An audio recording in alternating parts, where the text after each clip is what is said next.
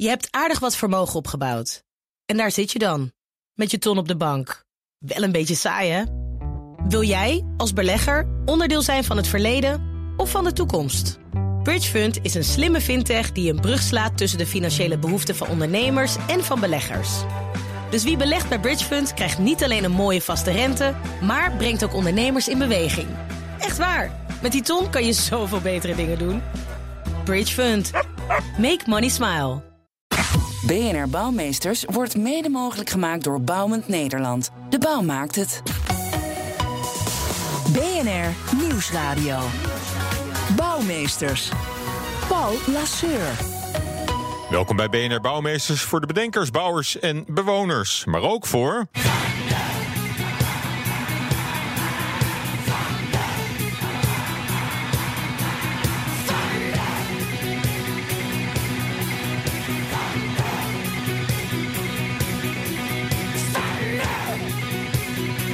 Ja, we kunnen hem steeds vaker eh, draaien. ACDC die donder en bliksem verkondigt. Want eh, ja, met al die plans, hoos- en donderbuien... en de zomers zo warm, komt dat wel eh, van pas. Eh, wat doet de bouw eigenlijk om niet de keet uit te drijven... van al die hitte en al dat water? Hoe ver is de bouw met klimaatadaptatie? Daar ga ik over praten met Marjan Krijns. Zij is directeur van The Green Village van de TU Delft. En Claudia Bouwens, programmaleider van het platform Kan Bouwen. Waarbij Kan staat voor klimaatadaptief bouwen met natuur. En het kan allemaal. Nou, welkom, eh, welkom allebei. Goed dat jullie er zijn. Eh, Marjan hier in de studio en eh, Claudia aan, ja, via de techniek komt ze tot ons. Voordat we verder praten over wat de bouw allemaal kan met hittestress en wateroverlast, hè, waar we steeds vaker mee te maken krijgen, beginnen we zoals elke week de uitzending met het bouwsucces en de bouwflater van onze gasten. Dan begin ik bij jou, Marjan, heel kort. Wat is jouw bouwflater en wat is jouw bouwsucces? Nou ja, ik kom uit de wereld van eh, innoveren en experimenteren. En eh, eigenlijk uh, flaters bestaan niet bij ons. Want wij zijn een plek. Leermomenten. Waar je, ja, waar je nieuwe dingen kan uitproberen. En die mogen en, en kunnen ook mislukken. Sterker nog, daar leer je heel veel van. Dan ga je als start-up of student terug naar de tekentafel. En probeer je je innovatie weer te verbeteren. Dat is wel een goede spirit, denk ik. Hè? Flaters bestaan niet. Alleen maar dingen waar je van, van kan leren. maar dan zijn er ook successen die er, die er bovenuit steken. Nou ja, als je kijkt naar, als ik dan toch een echte flater mag noemen, dan is misschien wel. We hebben in 2008 is bij ons op de campus van de TU Delft de, de faculteit bouwkunde afgebrand. Mm. Eigenlijk natuurlijk nota bene bouwkunde, toch een flater van je welste zou je bijna kunnen zeggen. Maar dat heeft ons een enorme boost gegeven, want het terrein ligt midden op de campus van de TU Delft. En dat terrein hebben wij helemaal mogen inrichten als uh, experimenteerruimte. Dus dat is nu vijf jaar lang de Green Village, een plek voor duurzame innovatie. Ja, daar zijn al zoveel fantastische successen uit voortgekomen. Ja. Heel veel start-ups, heel veel bedrijven. Daar echt een dus heel het, groot succes. Het, het, je hebt niet het, een niet zonder het ander, zeg maar. We, we hebben een beetje geluk gehad. Ja, dat een bouwflater leidt in dit ja. geval tot een, uh, tot een succes. Een mooi verhaal. En Claudia, voor jou ook uh, dezelfde vraag en een korte toelichting. Ja, een bouwsucces wat ik heel graag wil noemen is een project wat we afgelopen maand een prijs hebben gegeven. We hebben namelijk een zendprijs uh, voor zeer energiezuinige nieuwbouw. En uh, we hebben vorig jaar die projecten geënquêteerd, de bewoners uh, van die opgeleverde projecten die al een paar jaar daar woonden. Welke projecten zij het meest waardeerden qua energiezuinigheid, maar ook qua binnenmilieu, dus ook de temperatuur binnen. En daar is één project, zijn twee projecten uitgekomen, eentje daarvan wil ik nu noemen. Die had het hoogste rapportcijfer en dat is het project Kroon op Jutvaas in Nieuwegein. Die had een gemiddelde van 8,6 bewonerswaardering. En dat is, uh, nou, dat vind ik hartstikke goed. Dus wil ik graag even noemen. Dat is toch een 9, hè? Ja, dat is, dat is mooi, mooi gedaan. En, uh, ja. en, en, en de flater? Een flater is iets wat ik in de krant las, in het NRC, dat er plannen worden gemaakt voor datacenters die uh, afhankelijk zijn van de groene energie die daar aan de buurt wordt gemaakt. dat in de plannen wordt gezegd dat de warmte van die datacenters wordt gebruikt voor uh, woningen eromheen. En als je dan kijkt naar die plannen, dan zitten er gewoon geen woningen in de buurt, geen steden uh, in de buurt. Dus er nog geen idee wat ze met die warmte kunnen doen. Dan denk ik van nou, dat moet je toch echt beter plannen. Oké, nou ja, misschien, misschien, komt het nog. Hebben ze nog een kans om het, eh, om het in te halen. Eh, nou, we gaan verder praten over het klimaatadaptief eh, bouwen. Eh, Marjan, jij bent directeur van het openluchtlaboratorium The Green Village van de TU Delft. Bestaat alweer vijf jaar inmiddels ruim. Jullie hebben daar een hitteplein en een waterstraat. Wat gebeurt daar op die locaties? Ja, je kan je er misschien iets bij voorstellen. De KNMI laat zien dat eh, de voorspellingen voor de komende jaren... dat we steeds meer te maken krijgen met extreem weer. Dus zowel wateroverlast, daar hebben wij die waterstraat voor. Daar testen we allemaal innovaties om water beter door de straat te laten afvoeren. En dat gaat verder dan alleen maar het advies om niet eh, onze tuinen allemaal te betegelen. Nou, eh, sterker nog, in sommige omgevingen kom, ontkom je natuurlijk niet aan tegels. Hè. De bestrating, een fietspad, noem maar op, een parkeerplaats. Die, die moet je betegelen. Maar doe dat dan niet met de standaard tegels of asfalt. Maar doe dat met extra waterdoorlatend afval, asfalt of, of andere soorten tegels. Al en, die en, en dat oplossingen. soort innovaties. En in die waterstraat lig- liggen vijf of tien soorten Er liggen asfalt. er zelfs twaalf. Er liggen allerlei verschillende eh, mooie tegels, asfalt. Allerlei eh, verschillende oplossingen. Ook met voegen. Mhm. Met specifieke voegen. Waardoor het water veel sneller wordt afgevoerd. Zodat je minder last hebt Ja. van schade en overlast. En het hitteplein is al een iets ander verhaal natuurlijk. Nou ja, toen wij begonnen was Nederland, wij hadden te veel water. We hadden altijd slecht weer, we hadden overstromingen. Dus die waterstraat was heel opportun. Toen kregen wij allerlei mensen op bezoek. En dat waren net die zomers dat we steeds meer te maken kregen met droogte, met hitte. En mensen vroegen ons, hebben jullie daar dan niet oplossingen voor? Nou, toen zijn we eigenlijk met een heel palet aan jonge ondernemers gaan kijken. Wat zijn nou hele mooie oplossingen die je daar eh, tegen in kan zetten?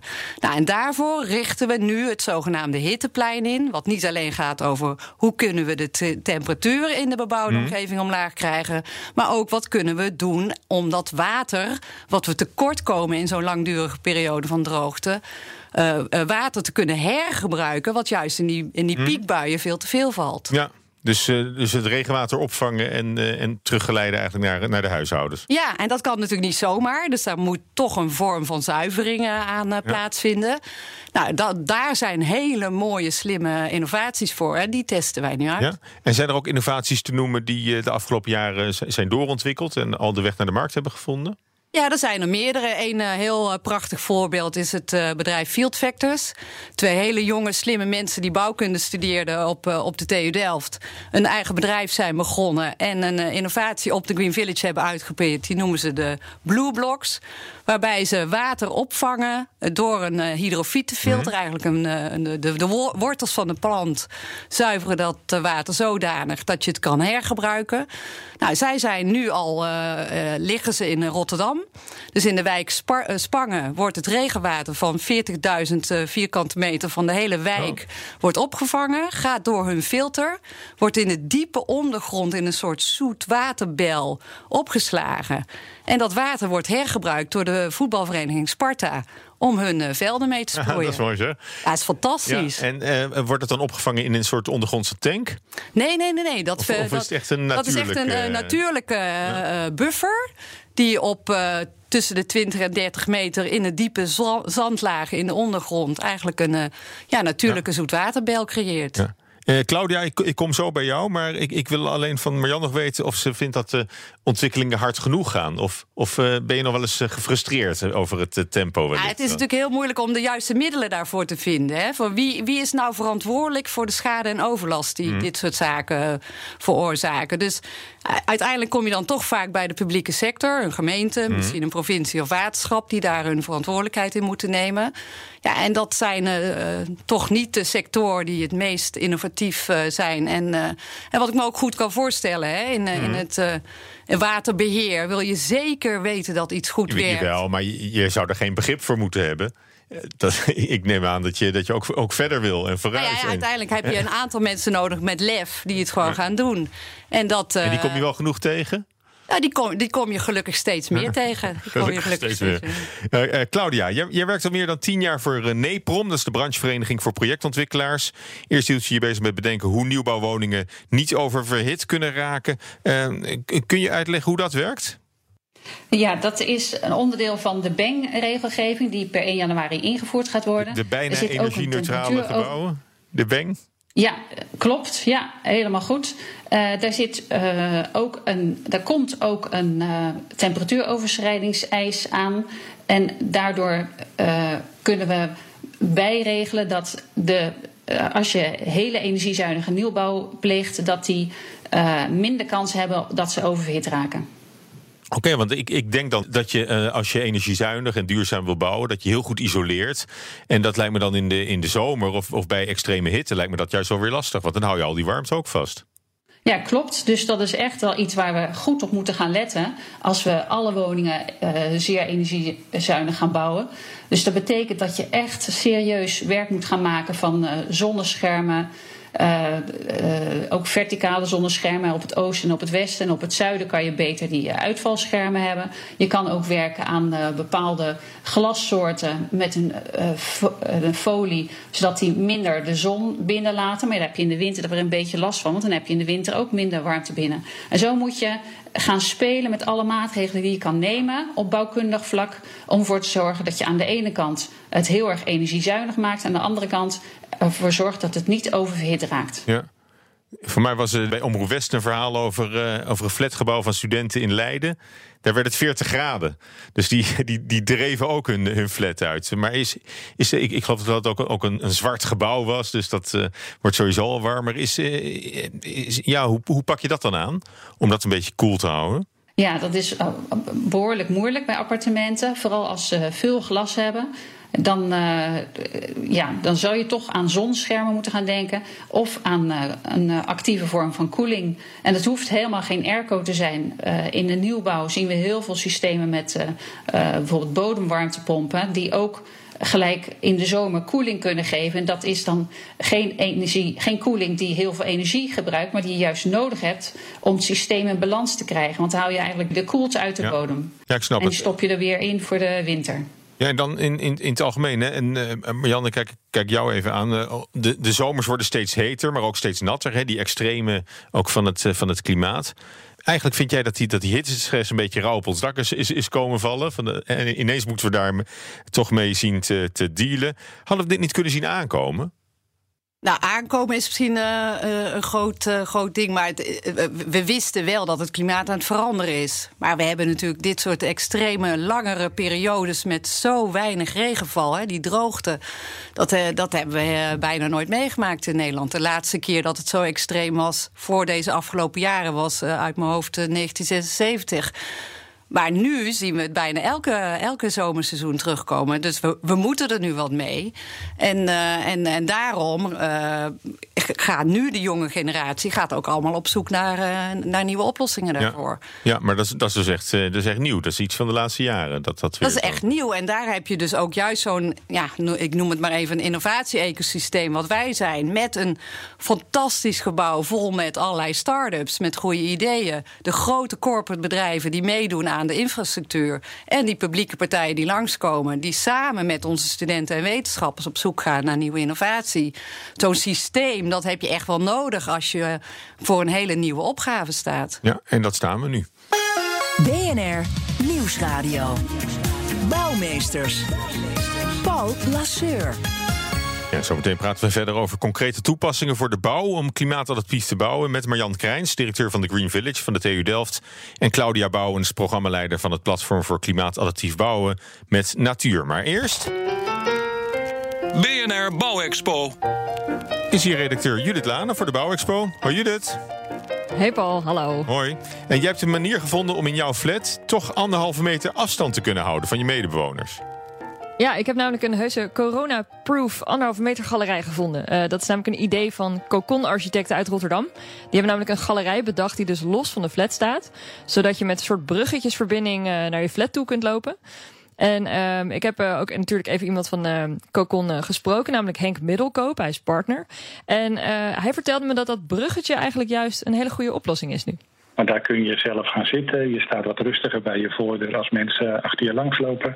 En iedereen kan dan ook even uitwijken als die een ander tegenkomt op de galerij. En, en er moet gewoon veilig gepasseerd worden. Terwijl in, de, in een standaard galerij van 1,20 meter heb je die, uh, ja, die mogelijkheid gewoon niet. En een ander voordeel wat het bruggetje heeft, is dat je opeens ook naar boven en naar beneden kan kijken. Dus als iemand op een verdieping hoger bij zijn voordeur staat, uh, in de woning naast je, dan kun je die ook zien. Dus je hebt ook veel meer sociaal contact. Ah ja, en hebben ze, en hebben ze ook nog een ander idee hè, voor afstand houden op een, uh, op een galerij? Uh, ja, ze hebben ook een soort uh, zogeheten transgaander uh, soort module bedacht. En ja, dat is een beetje lastig uitleggen, maar je moet het zien als een soort huls die je over een bestaande galerij heen kan klikken. Henk die legt nog even uit waar deze ook alweer voor dient. Wij hebben die bedacht om uh, als het afzagen van de bestaande galerij gewoon te ver gaat, om dan toch een oplossing te kunnen bieden. Dus dit is eigenlijk een ja, versie 1.0. En als je galerij heel slecht is, sommige galerijen hebben beton erop, nou die moeten eraf. Uh, of uh, extra ondersteund worden. Als je zo ver moet gaan, dan kun je net zo goed de hele galerij eraf zagen en een nieuwe plaatsen. En die kun je dan ook echt mooi loszetten. Ja, dus als je galerij dus nog goed is, zegt hij dus, uh, dan kan je met dat uh, omhulsel, dus dat soort, ja, soort Lego-kliksysteem, uh, dat is ook breder, dus kan je ook daar weer afstand houden. maar het is ook nog voor eigenlijk drie hele andere concrete problemen, namelijk het, het is beter tegen de kou, dus het isoleert ook beter, want de vloer van zo'n galerij is vaak kouder, dus dat kan dan weer je huis intrekken en zo. je hebt ook een gelijke opstap naar je huis toe, want de meeste mensen die in een flat wonen, die weten dat wel, de, de vloer van de galerij is lager dan de instap van je huis. Dus voor oudere mensen bijvoorbeeld, uh, die een rollator hebben. Hè, dat zou makkelijk zijn als dat gelijkvloers is. Uh, en als je daar installaties in wil uh, plaatsen, in de vloer bijvoorbeeld, van die galerij, dan kan je met deze module, kan je, als je er overheen klikt, dan kan je die ook wegwerken. En als je nog bedenkt van waar die naam eigenlijk vandaan komt. Dat is een samenvoeging van uh, transformatie en gaanderij. En een gaanderij is weer een oud Nederlands woord voor uh, een galerij. Dat is eigenlijk een gang met kolommen. Ah ja, en, uh, en waar is die corona-galerij al toegepast? Nou, uh, Cocon heeft in Gouda al een uh, oud politiebureau uh, zo gemaakt. Waar ze de galerij dus van de flat af hebben gehaald. En ze zien ook dat het echt werkt, want mensen maken het gezellig. Ze zetten er bloempotten neer en bankjes. maar ze zijn dus ook bezig met een project in de zorg. Want, zei Henk tegen mij, die corona-galerij kan een oplossing zijn voor bijvoorbeeld een toekomstige uitbraak, vertelde hij met deze galerij weten wij dat onze ouderen straks eigenlijk ja, gewoon uh, hun eigen bewegingsruimte houden. Dat we niet allerlei beperkingen op hoeven te leggen. En dat ze ook, uh, ook in een tijd dat ze heel veel thuis moeten zijn, toch nog veel sociaal contact met elkaar kunnen hebben via, die, uh, via de galerij. Nou ja, laten we hopen dat er geen tweede uitbraak komt van het coronavirus. Maar anders is er dus wel wat te bedenken voor het afstand houden in flats en verzorgingstehuizen. Dankjewel weer, Judith. Bouwmeesters. We praten nu verder met Marjan Krijns, directeur van de Green Village van TU Delft... en Claudia Bouwens, programmaleider van het platform voor klimaatadaptief bouwen met natuur. We hebben het over het opschalen van klimaatadaptief bouwen, want we bouwen alleen maar meer. En hoe gaat de bouwsector om met hittestress en wateroverlast? Ja, is eigenlijk meteen de vraag ook, eh, Marjan, hoe, hoe, uh, hoe pakt de bouw dit op? Wordt er al een beetje klimaatadaptief uh, gebouwd door, door de grote bouwbedrijven? Nou, de grote, de grote bouwbedrijven zien het zeker als een hele belangrijke uitdaging. Ze staan natuurlijk ook voor de energietransitie. Dus ze krijgen nogal wat op hun dak. Hè? Om het zo te zeggen, ze moeten uh, de bestaande wijken moeten ze renoveren. Nou, als je dat nou toch aanpakt, hè, je moet toch aan de gang met uh, gas, uh, aardgasvrije wijken, noem maar op. Uh, kijk dan meteen ook, als we, die, als we gaan renoveren, doe het meteen ook klimaatadaptief. Ja. Er zijn zoveel mooie oplossingen. Een stukje waterstraat en een beetje nou, Of een stukje op je dak. Hè. Ja. Ik, uh, we hebben ook een heel mooi voorbeeld uh, van een zogenaamd polderdak. Mm -hmm. Wat het water op het dak bergt. Wat zorgt daarboven nog voor wat groen. Maar ook zorgt uh, dat je het water uh, kan hergebruiken. Maar ook zorgt voor verkoeling in het gebouw. Ja, ja, dus ja. hele slimme oplossingen zijn wel degelijk beschikbaar. Ja, en er is ook het klimaatakkoord natuurlijk. Hè. Dat moet er ook voor zorgen dat bouwers meer klimaatadaptief gaan bouwen. Um, merk je in de praktijk al dat ze wat vaker langskomen bij de Green Village? We hebben heel veel uh, bouwbedrijven op ons terrein. Uh, Dijksma Drijsma uit uh, Friesland is heel actief. Mm -hmm. De BAM, Volker Wessel. Maar ik nodig hierbij iedereen van harte uit om ook te komen. Wij zijn echt een plek waar je alles mag uitproberen. Bij ons is het, uh, is het bouwbesluit uitgezet. Dus je kan dingen testen die buiten het hek nog niet mogen. We zijn echt een experimenteerruimte. Dat biedt heel veel kansen. Dus je bent van harte welkom om dingen uit te proberen voordat je naar de echte wereld gaat. Maar wij zijn wel al een klein beetje een echte wereld. We zijn een mini-dorpje. We hebben echte bewoners die we ook vragen om uh, feedback op uh, de renovaties. Dus het is uh, voor alle bouwbedrijven een hele interessante plek om samen ook met juist de kennisinstellingen en de wetenschappers er experimenten hier stappen in te, te maken. Ja. Nou, die uitnodiging staat. Uh, Claudia, wat, wat voor vragen krijgt het KAN-platform, dat uh, klimaatadaptief bouwen met de natuur? Waar hebben bouwers moeite mee als het gaat om klimaatadaptief bouwen? Nou, ik moet eerst zeggen dat we nog aan het begin staan, want we hebben de aftrap gegeven van ons platform. Nou ja, ik wil het met, snel. de vier branche, met de drie brancheverenigingen, dat is NEPROM, NVB Bouw en Bouw het Nederland. Uh, maar er is heel veel enthousiasme. Er waren een hoop bouwers en ontwikkelaars die dit heel erg interessant vinden. Ook gemeentes. En dat vind ik heel erg goed dat we die uh, verschillende uh, groeperingen bij elkaar brengen. Want het gaat. Er is heel veel kennis. Er zijn al ontzettend veel websites met uh, hoe we dit allemaal aan kunnen vliegen. Maar waar het nu om gaat, is om het in de praktijk praktisch met projecten uit te kunnen proberen. En dan ook elkaar te kunnen vinden om de oplossingen te zoeken. Want ja, ieder is toch al uh, in zijn eigen vakgebied aan het nadenken. Maar soms heb je net even de kennis nodig van een, bioloog of een ecoloog. Of iemand die echt alles van, van plantjes weet. Of juist van infra, zoals Marjan met de Green Village. En hoe je, hoe je ja. water goed in de straat laat zakken. Ja, maar al die, al die producten, die kennis en innovaties die nu worden ontwikkeld, hè, ook in de Green Village. Marjan, hoe lang duurt het dan voordat die in de bouw ook echt, echt kunnen worden toegepast? Voor zover dat niet al gebeurt, bijvoorbeeld in dat, dat Sparta-stadion. Ja, wij, wij, wij hebben uh, groen en blauw door elkaar. Hè? Dus we hebben allerlei verschillende uh, stadia van innovatie mm. bij ons. Dus we hebben mensen die nog helemaal aan het begin staan. Nou, dan duurt het nog wel een aantal jaar. Maar we hebben ook partijen die al best uh, wat hebben doorontwikkeld. En eigenlijk in, de, in die tussenstap bij ons maken om te kijken hoe werkt het nou in een echte buitenomgeving. Mm. Ja, en heel snel daarna moeten zij die grote stap naar die buitenwereld gaan maken. Daar helpen we ze ook bij. We krijgen heel hmm. veel gemeenten, waterschappen, maar ook bijvoorbeeld de Delta-commissaris op bezoek, die altijd erg enthousiast zijn. Ja, en dat is toch belangrijk. Hè? Zien is doen geloven. Kom het maar bekijken dat het werkt, dat het aantoonbaar werkt. Ja. En, en dan heb, je, heb je ook start-ups die daar een business case voor, voor, voor zien en die uh, op die manier. Uh, nou ja, dat is zeker een van de hele belangrijke pijlers. Het gaat oh. vooral niet alleen om de technologie, technologie. Het gaat ook om de business case. Het gaat ook om wat vindt het publiek, de bewoners mm -hmm. ervan. Ja. En hoe past het in de wet en regelgeving. Ja. En uh, Claudia, je zei het eigenlijk al, uh, gemeenten bepalen uiteindelijk wat er gebouwd moet worden en waar. En te, tegelijk, als, als, ik, als ik jullie zo hoor, ook alle twee, je, je kunt niet tegen klimaatadaptief bouwen zijn. Want dat is gewoon heel, heel verstandig en, en, en nuttig. Wat houdt opdrachtgevers dan toch nog tegen in dit stadium om niet nu al massaal zo te gaan, te gaan bouwen? Claudia. Nou ja, we hebben natuurlijk nu pas in de gaten dat het heel erg heet wordt in de zomer. En dat we enorme regenbuien krijgen. Dus eigenlijk moeten we op een andere manier gaan bouwen dan we gewend waren. Dus het is. Uh, het, het, onwennigheid. Uh, onwennigheid. Zorgen dat je uh, weet hoe je het op een andere manier kan doen. En wat we ook moeten doen is veel meer gebruik maken van de natuur en van groen. Wat we ook een beetje kwijt zijn. We zijn, willen heel erg dicht op elkaar bouwen. Um, er wordt heel veel bestrating gebruikt. En op een gegeven moment dan kan dat water allemaal niet meer in de grond. Ook al gebruik je geweldige uh, systemen. Uh, waar het tussen de tegels doorzakt. We moeten eigenlijk op een of andere manier ervoor zorgen dat we veel meer uh, groen en tuinen mm. weer open krijgen. En dat dus ook in de planvorming eigenlijk al meenemen. Dus ja. Niet alleen maar op kaderniveau, maar op gebiedsniveau. Ja, en, en die nieuwe vormgeving, hè?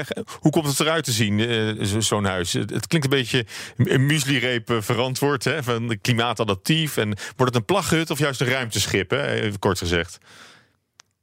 Nou, ik denk dat het allebei kan, wat je maar wil. Maar waar het om gaat is dat je veel beter moet gaan kijken wat je op het dak doet. Dat dat niet gewoon een, een, een, een dicht dak wordt, maar dat je daar nog iets op kan leggen. Daar kan je gewoon aarde op aanbrengen, je kan er planten op aanbrengen. Aan de gevel kan je ook planten brengen. Maar het, het, hoeft niet alleen maar op de gevel. Je kan ook naar de tuinen kijken, ook naar de gevelafscheidingen. Maar je kan ook kijken van moeten we nou echt wel zo dicht bouwen met uh, flats ja. bij elkaar? Ja. Of moeten we toch wat meer parken in de buurt houden, zodat ja. iedereen dat uh, ommetje kan maken? Nou, er zijn mogelijkheden genoeg en jullie hebben nog heel wat zendingswerk te verrichten, denk ik, denk ik zo. Maar ik wil jullie heel erg hartelijk danken voor dit uh, gesprek. Marjan Krijns, directeur van de Green Village van de TU Delft, en Claudia Bouwens, programmaleider van het platform voor klimaatadaptief bouwen met natuur. Tot zover BNR Bouwmeesters. Tips en verhalen kunnen via de mail naar bouwmeesters.bnr.nl of via Twitter BNR Bouw. En deze uitzending is terug te luisteren als podcast via de BNR-app en bnr.nl. Tot volgende week. BNR Bouwmeesters wordt mede mogelijk gemaakt door Bouwend Nederland. De bouw maakt het. Je hebt aardig wat vermogen opgebouwd. En daar zit je dan, met je ton op de bank. Wel een beetje saai, hè? Wil jij, als belegger, onderdeel zijn van het verleden of van de toekomst? Bridgefund is een slimme fintech die een brug slaat tussen de financiële behoeften van ondernemers en van beleggers. Dus wie belegt bij Bridgefund krijgt niet alleen een mooie vaste rente, maar brengt ook ondernemers in beweging. Echt waar, met die ton kan je zoveel betere dingen doen. Bridgefund. Make money smile.